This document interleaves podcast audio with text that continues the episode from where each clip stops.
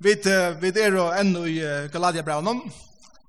Eh vi vi kommer her til nu kvar hvis vi vet forstilla kunna vi flikva til førjar. Så så så vidar vi til ta ut narskast at et eller annet henter her framme i cockpit at ta skifta gir eller synter og ta føler knapt mm så kan bli at det alla lydsynter og så stort at han av vidar fullt her så kommer flåskjøperen i mikrofonen og sier eh, vi norskast nå fyrjon, og vi får at vi har falt om at uh, sletta eh, alt, alt er ustørre og eh, spenna trygdabeltene og det er nå fer at, at gjør dem klar til uh, innflikvingene og lendingene. Og her byrjar vi nå å komme til i Galatia-braunen. At uh, nå, nå byrjar det her uh, lilla hatje, og for ikke å kunne spekla til innflykvinsjene, er at lenda hessa her røyene. Og det er en fyra, kanskje fem taler etter Ukalada Braunen. Og nu, nu i det trakka vi så fra femte kapittel inn i sjette kapittel, og hese og versene som, som Paulus skriver i Esbraunen er omedelig praktisk og fer at seg om konkret ting i løven sjokken og ljøsene av øtlen tog som er sagt og avur. Det er det samme som at dette her, at koma her til løven og hva vi får egen og fyre at Jesus er nok. Og det skulle ikke noe versk til eh, og i akkurat løve fyre at vi kunne takna skote. Det som Jesus gjør det krossen er god nøkter vi og vi tryggva Jesus Kristus vera vi eh, sett i fralse. Og det fralsesløyve eh er ikkje berre så andalet liv per vit nesten ikkje hava gjør forbindelse jo berre eh, leva eh, så andalet liv per per vit ikkje er vi komande Og tog er som Paulus nu for at peika av noen konkret ting i livet for at vi sjokken om, at det er vera andaligur, er vera avmedelig gerandesligur, og at, at, at få fingrarna skittnar og i de tingene som vi er annars involvera i og i det dagliga livet og han får bruka tøy på at her og i sånn her eh, sørste versen faktisk er det nøytjan vers som vi, som vi tar som fra sørste versen i kapittel 5 vers 26 og lykka til 18 vers. Og i, i satte kapittel så Og det er det Galatia kapittel 5 vers 26 og kapittel 6 vers 1 som vi får Jeg tar som Så lad dere be sammen og be Herren om et sikna eh, sitt år. Takk, Herre Jesus, for det. Jeg vet, her mølegan, jeg kommer sammen eh, som i det. Selv om det regner ute, og eh, heste begynner at vise sitt anleit, så takk det for at du er sammen, du, du gjør åpne dette vekkeren, og be Herre om at du vil hjelpe oss som mennesker at liva i timen omstående som vi har i fyrjen, fyr til, på en ærlian, åpnan og ekta igjen mata. At det ikke er noen spil for galerøynen, men at vi er de som vi er, åpen og ærlig om hvordan akkurat liv er, bare godt og eisende, det som er tungt. Vi har jo måttet du vil tegane det og hjelpe mer, Jeg vil eh Amy kan hjälp mig samtidigt att att höra att hela sannolikan. Och vi ber här med att hjälpa oss öllun att det ska vara att höra och så för hem och som Nils eh, säger av den förra möten att så tar några är skräckvar på och glömma allt om heter. Men jag vet få den ner i hjärta och från hjärtan ut i fingrarna så så vet praktisera till ett år i ökar liv. Jag ber dig här om och signa henne teksten i det, og i Jesu navn. Amen. Hems kjente boksaren Mohammed Ali, sikkert jeg vet ødel, kjenne navnet, ja. Og jeg minnes hvordan jeg petitjen i hver av henne, som smadronger, og som var eisende eisen alle mine oppkjøkken årene. Jeg halte han var hvordan trutja for heims mestere i sunne flotje, i boksing, og eh, karrieren til han gjør det til at han hei ongan trobleika vi at heva nekar utroliga arrogantar utsøkner i sin liv ofta, selv om han er oppevåret å si det, men han hisser seg ikke vi å si I am the greatest. Jeg er den største. Og det var han, tog jeg at han er et utrolig størst kjølsålid, Han uh, tørte jeg sige som vær. Han uh, hei han anka trobeleika at uh, sutja seg sjálvan større og sterskare og sjåtare enn ånder, tog at han slå til flest nyer i rinsen. Faktisk sier han at han kunne eisen velge akkurat rundene da jeg atle slå omkran i gulvet. Og en av så er Muhammad Ali færen uh, en flikkfære. Og bænt åren flåfære eh, skal, akkur som gjør så klart at, at få affæra og, og køyra etter banan, så, så kommer flåthettene eh, til hans herre, og han, han minner han av at peika nir av tryglarselen, at, at spenna tryglarselen. Og Mohammed Ali hikker på henne og sier, Superman, jeg har ikke bruk for det tryglarselen. Og han hikker på han og sier igjen, Superman, har ikke bruk for noen flåfærre. Så spent trykk der skjedd han.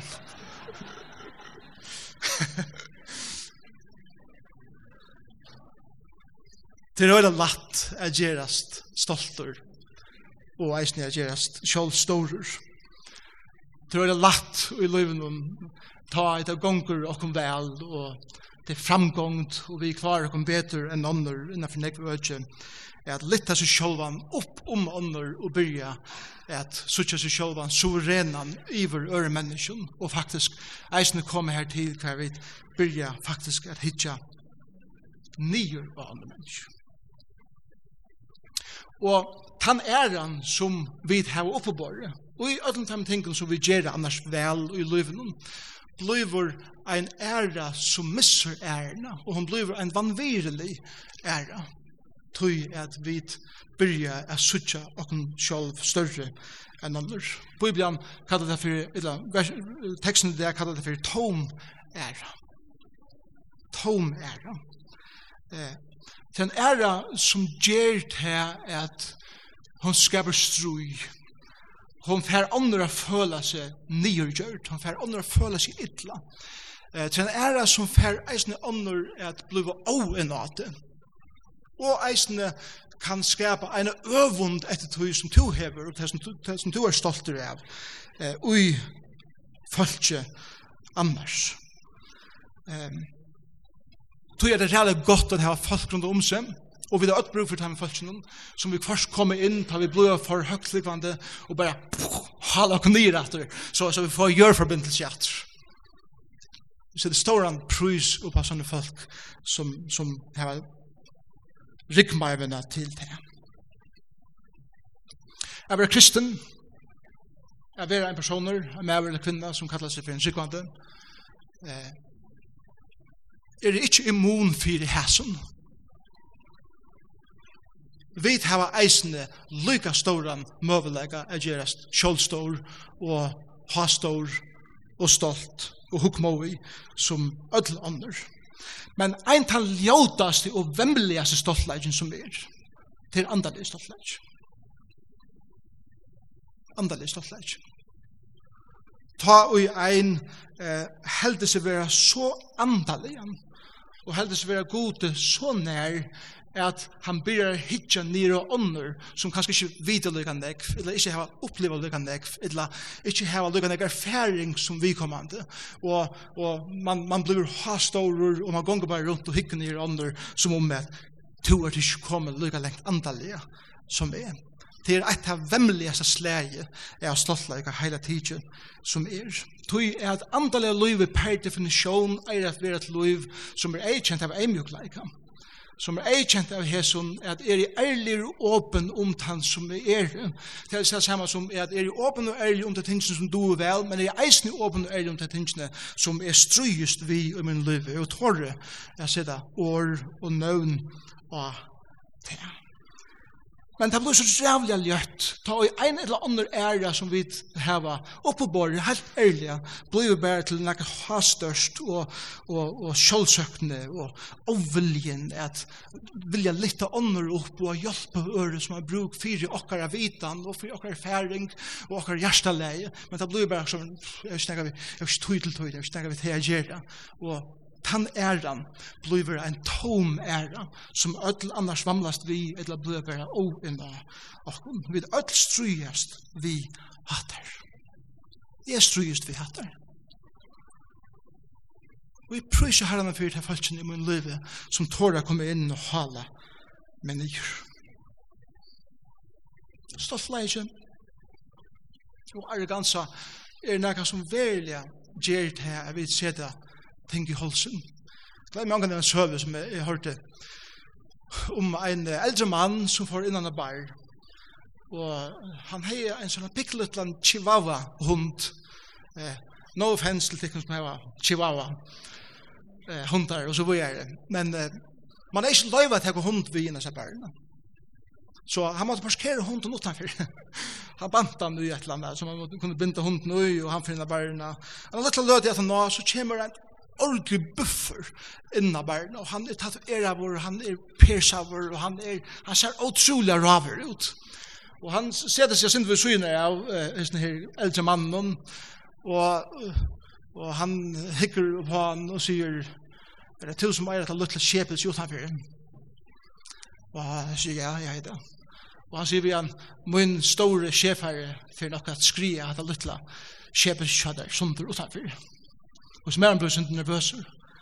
Hva er det som skjer for han? For det gjør vi ikke hva hunden kjører Og at, at han løtet så fer han akkurat som ute hitja hvordan lyttelig hunden må heva det. Og en minutt at han så kommer han som er en brestande innan til barna og sier hva skal min hundur hever dripe tøyn hund. Og hesten bufferen eh, sier hæ? Hva mener du vi? Og derfor er bare det hitja. Og så likur sjefaren pura livleiser nere av venen. Og, og jeg snipper for en spyrer, hva hendte? Nei, hundra kjøtt her, svølte min hund og sette inn i halsen og døg. Og hatt det her som stoltleis i gjer i akkurat liv. jeg vet, halte at vi kunne bare gløypa det som vi vilja og bare sutja nir andre ting, så sedda vi det her i halsen og det blir okkar bæne. Stoltleis i køyre åkken om koll. Det er god løyve det ikke. Men her som stoltleggen er eisende møveligere inni her tjokken og luftene. Vi som kallar åkken godsbøten, vi er eisende og i bølgen av følge er fettligheter. Så la oss lese 600 vers og så eisende første vers i satte kapitlet. 5-26 sier så leis, Læt jeg okken ikke troa etter tomar i ære, så vidt etja hver annan, det kan eisne omsides, så vidt øsa hver annan opp, og øvenda hver annan. Så sier det, her er så et, et negativt bøylet, ikke gjer hattar, men i vers 1 i kapitel 6 blir det positiva bøylet, det kan vi så borde gjørst, brøver, og sjående eisne systrar, om nu onkur skulle være tidsen av foton av onkur er sind, så hjelp vi honom til rattes tid andaleio. Vi spekføres anda, og sutt til din sjåls, at ikke eisne to verer frest av. Så her er det positiva, her er det som vi skulle hukse om er gjerra. Og det fyrir det negativa, det som vi skulle ansa etter, kan komme inn i okkara liv. Men så gjør det, så vi har snakka om eh, vandan av lovlærer til han kommer inn i samkomna, og lovlærer blir blanda vid til han regna prakkfulla bådskapen som evangeliet tåsar om eh, i krossverset Jesus er, så, så så, så blir det en sånn ring og smakker i munnen. Og det er det som Galatia folk struttes vi. At man börjar livet etter sin listen og man skal oppnå ting og uh, litt av sine egne er jo opp. Og det eneste som det gjør er at man setter i holsen og det blir ens egne bæne. De opplevde lovart sældom som hevet til å at man begynner å samanbæra vi andre. Det er det som lover til dem gjør. Hvordan er jeg imot til han? Hvordan er jeg imot til henne? Og man røyner litt av seg selv opp. Eisene, det blir til det blir til noe som skile sunder. Ta jo samarbeid om vi ånder, så, så blir en sånn tjekk i middelen. Og vi gjør en mann av munn. Men frelsesbåskaperen, Det vi det bjerga av Jesus Kristus. Han drever mennesker saman. Han skiler ikke sundt. Han skaper einleika og i middelen okkara og hoven at tema. Og tog er det Paulus tåsa fyrst om eh, stoltleika og øvund, vantan av tog i løyven, og han kallar galadi folk som nu kallar seg for å være andalig til at sutja til andalig løyve, kjønnligt og i gjerans løyven, så leis at man er eimjugur og litt ikke sjåan på måneder, men, men er ærlig om sine ære og brukar til ærene til at hjelpa øren menneskjen vi tom æra, det er verset, det er året som man brukar her, tom æra, det er at tro etter nøkron som tar alt kjem til alt, ongan tuttning hever. Vi renner etter ting som halde av tuttning, men alt kjem til alt, så hever det ikke at sida. Og vi regner vinna okkur en titel framfor okkur navn, og vi regner at noa heter her som er ut inntil løyven og så videre. Og hvis det her bløyver essensen av det som vi regner at oppleve løyven, så kommer vi et ene for her tid, kan vi si, åh, det er tømt, det er alt kjent til alt. Og det er det som Paulus sier i sin versen her byr det så innelige at livet andalige mer, andalige livet mer enn bare tankar i høtten, men at få det nye i hjertet og ut i gjerne stegen. At ikke se man bør vi ånder, ikke døme ånder, ikke litt av seg selv opp om ånder. Men at sånn her, at vi er ødel serstøk mennesker, hver og ein som er inne her i morgen, to eier tøyne ære som to er oppe på det. Og måtte vi hjelpe hver en øren, er at litt av det ære til hver en øren opp, så er at vi ikke bare fokuserer på okkara ekne ære. God har vi gjort til særsteka, kære kvinna her i morgen. God har vi gjort til særstekan, kære maver, som er her i morgen. To eier til ære som to er oppe på det. Og herren ikke er at til, vet det, og med men let dere ikke bære, og ansa etter at ikke se det her i holsen, så er det leier og en samkomme som bæra lever av klantren av øvund og strui i middelfolk. Hatt er en veldig vante som vi som mennesker heva. Men så får Paulus til det positiva og sier eh, en person som hever finnes egen oppfyrre ærlig og åpen for hva det er og han hever. Brukar til ærene at hjelpe øren menneskene. Og han brukar disse myndene om nu anker skulle være tidsen av foten av anker er synd. Så det ser ut som at Paulus ikke peikar til nega avvist her. Han sier bare rent hypotetisk, hugsa dikken, og jeg tekker av løyve som, som til røyna liva, det dikken om det nå skulle være såleis at anker i samkommende, anker at heimon som er ut hunn husbølge, anker at heimon som to omgångst i daglige løyven, som to erst noksen nærvi, Om nu det skulle være så at et eller annet kommer inn i tarra liv som gjør at hei blir tidsen av foten. Og det som er avversfyrisen her årene eh, skulle være tidsen av omkare sint. Eh, han tar seg ikke her om en person som lever usint ved vilja. Ja Han tås ikke om en person som planlegger at livet et liv i synd, men han tås om en person som bare knappe akkur skulle komme inn som gjør det, at vi kommer til å være tidsen av foten. Til dette surprise-elementet. Han, og hva er det så akkurat første reaksjon til det? Til det som det her verset sier. Og så sier han, så sier han vi økken eh, hva vi skulle gjøre, Så sier han, så hjelpe honom til rattes. Det det første vi skal gjøre. Det er det samme som først her i hjertaleie, er vi hitje etter hver nøren, som brøver og som systrar.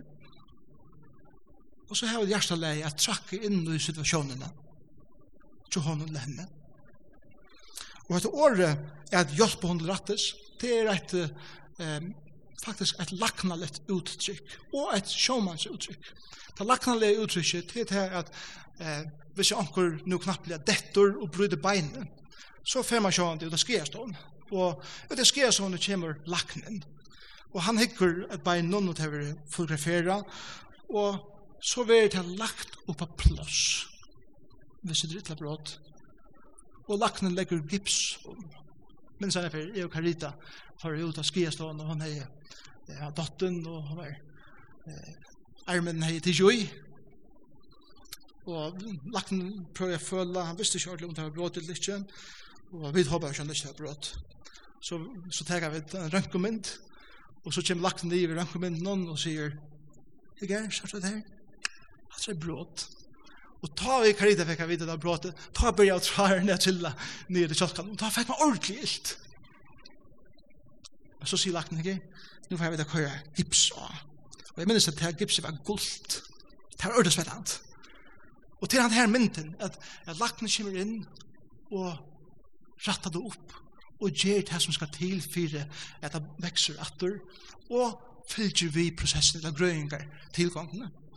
Eh, Sjåmans uttrykket er ta i en nåd skrattnar. Og mennene eh, som er en båra baten om færa til verska er det mest kandidater som er eh, skrattnar. Så er det at nåden kan bli heil atter. Og det er mynden her beint. Ta i ein bror eller syster kommer ut fri ein eller ørne løyven hver beina vi tisen under dem, så er vi som laknen, eller som sjåmæren, som trakker inn i situasjonene og hjelpa til at gjøre helt atter. og fylgja vi til prosessene. Det er mynden som Paulus brukar her i Galatia Brown.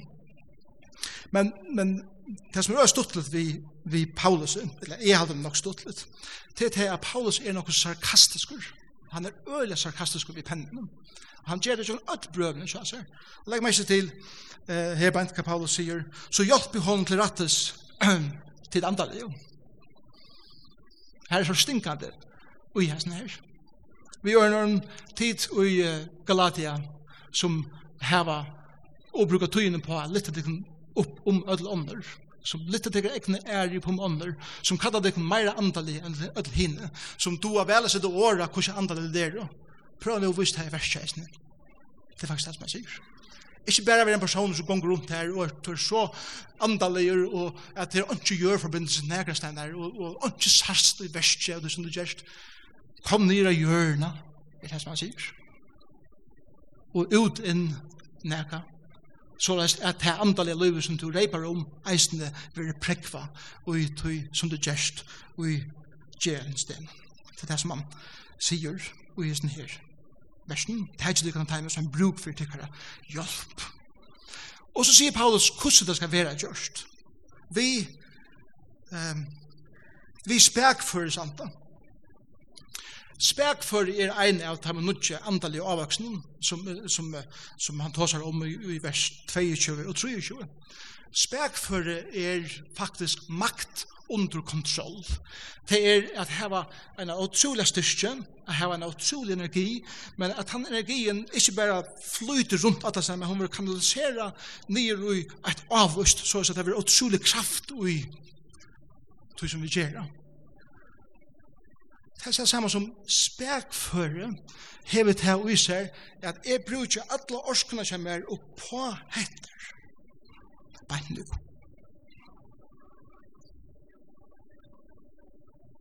Og jeg trakker ut om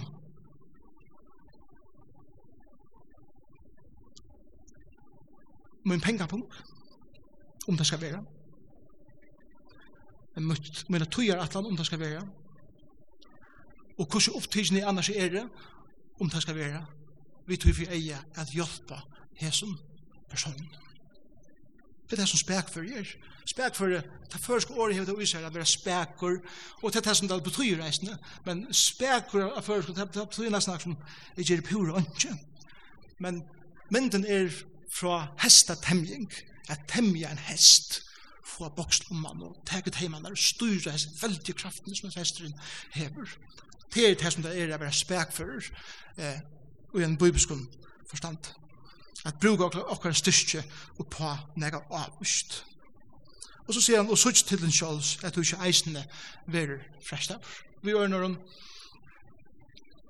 ta og ut du skal hjelpa en øren person, sutt så til at du er utgjørter, er færre hjelpa.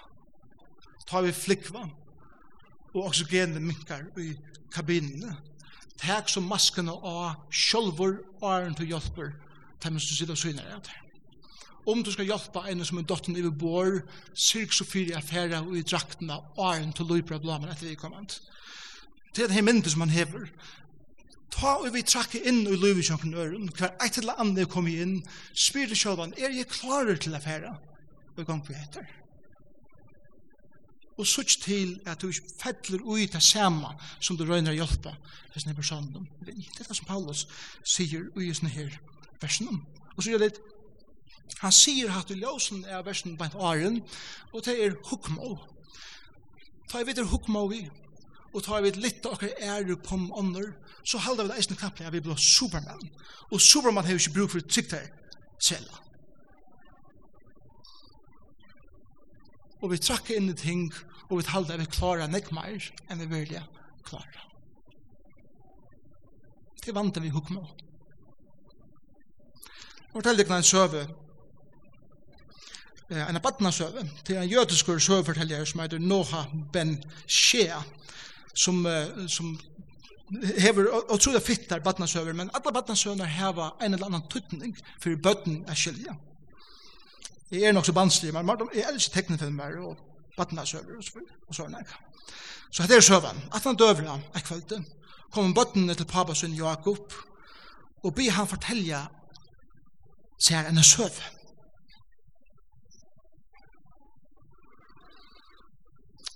Jakob sier, hva vil det her at jeg skal fortelle deg noe? Og til svære av, vi vil gjerne at du forteller dere en søv om en risa. Så papen, han uh, flyter stålen til her og legger seg nær vi uh, eldstegen og byer bøttene er som kommer nær i elden noen så de kan lytte her og i deilig hitan og, og høyre seg søvn som papen, Jakob, nå for å fortelle. Så sier han så i bøttene, en affære var den dronker som ber pappa som kom av visser til store skrugongene som i morgen skulle feres til jøkken bygdene her som det bo. Papen myntes skrugongene fra det han var smadronker og vil det feien være færre ved sunnebøttene at oppleve etter.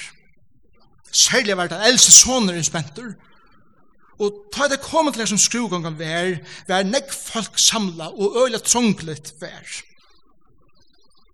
Og av det soner han ikke sa fire store mannamekvene, tog papen han og lytte han opp på sine herrer, fire at han kunne sutja bedre. Skrúgangan kom fram vi, og drongeren gleddist om at suttja alt det vekra som ei og hans er fengt av. Men drongeren kom her til at han ber hitje til den hinen om seg, og bøttenen som ikke var oppe her på pappasunnen, og ber at spotta teg ut for ønska suttja. Og sier vitt deg, tid suttja slett ikke det samme som er, og nye gjør deg.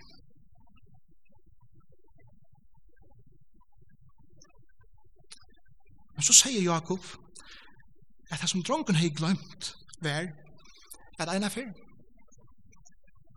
tar papi hans her oppi herren av sønnen pap og sa det samme som han sa nu. Og så sier han Snipp, snapp, snute. Nu er sjøen ut.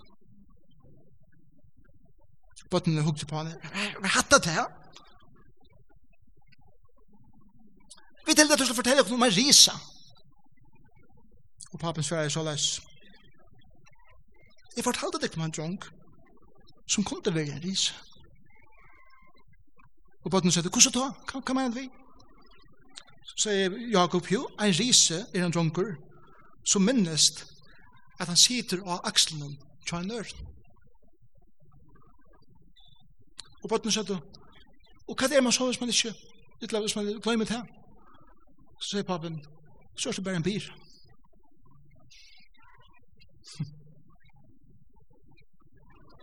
Hette det som ofte hender i antallet løven.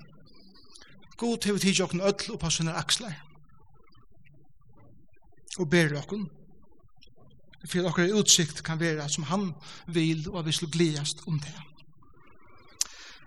Men så gjerast vi som kallar okkur kristen så stolt er vi byrja at nye gjerra öll hinne som ikke sutja lukka vi som vi. Og i stedet for blå riser så blå vi byr. Og det er det som hukk nå gjer og jeg kallar liv.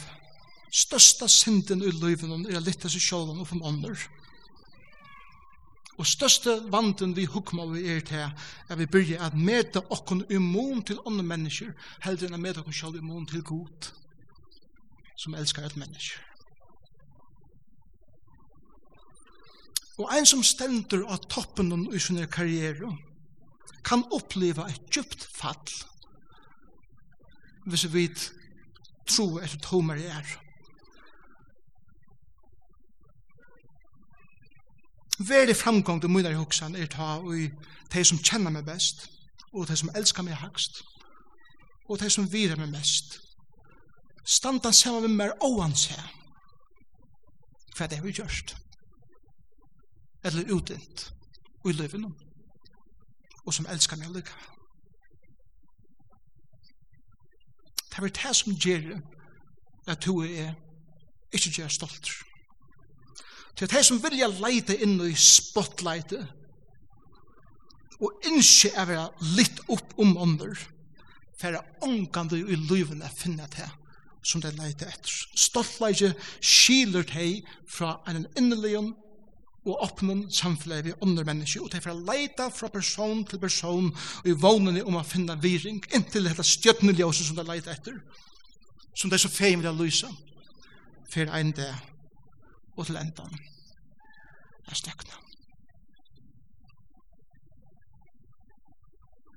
Og hatt det som Paulus vil ha åkken å om som brøver og systrar i luftene hesa vikna. Vi kunne öll vera risar men vi kunne eisne öll vera byrar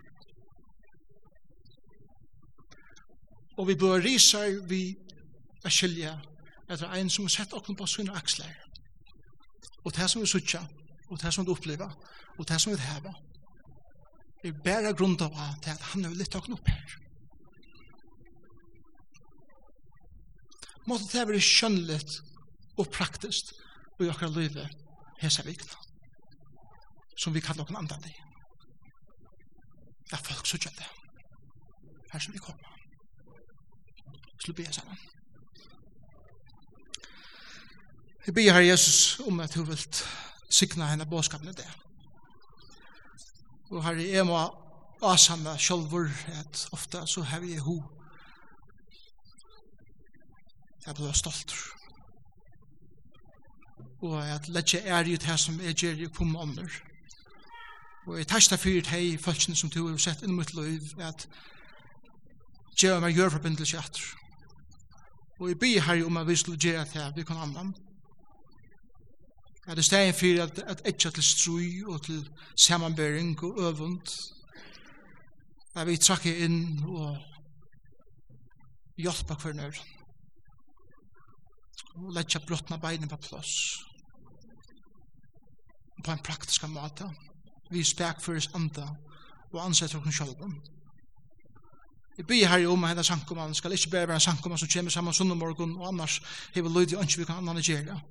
Men jeg byr her om at det som vi lærer i åren, er det at vi byr at hukse om, hvordan kan jeg være denne for mine brøver og systrar, og eisen annars ødelen om meg, min nasta.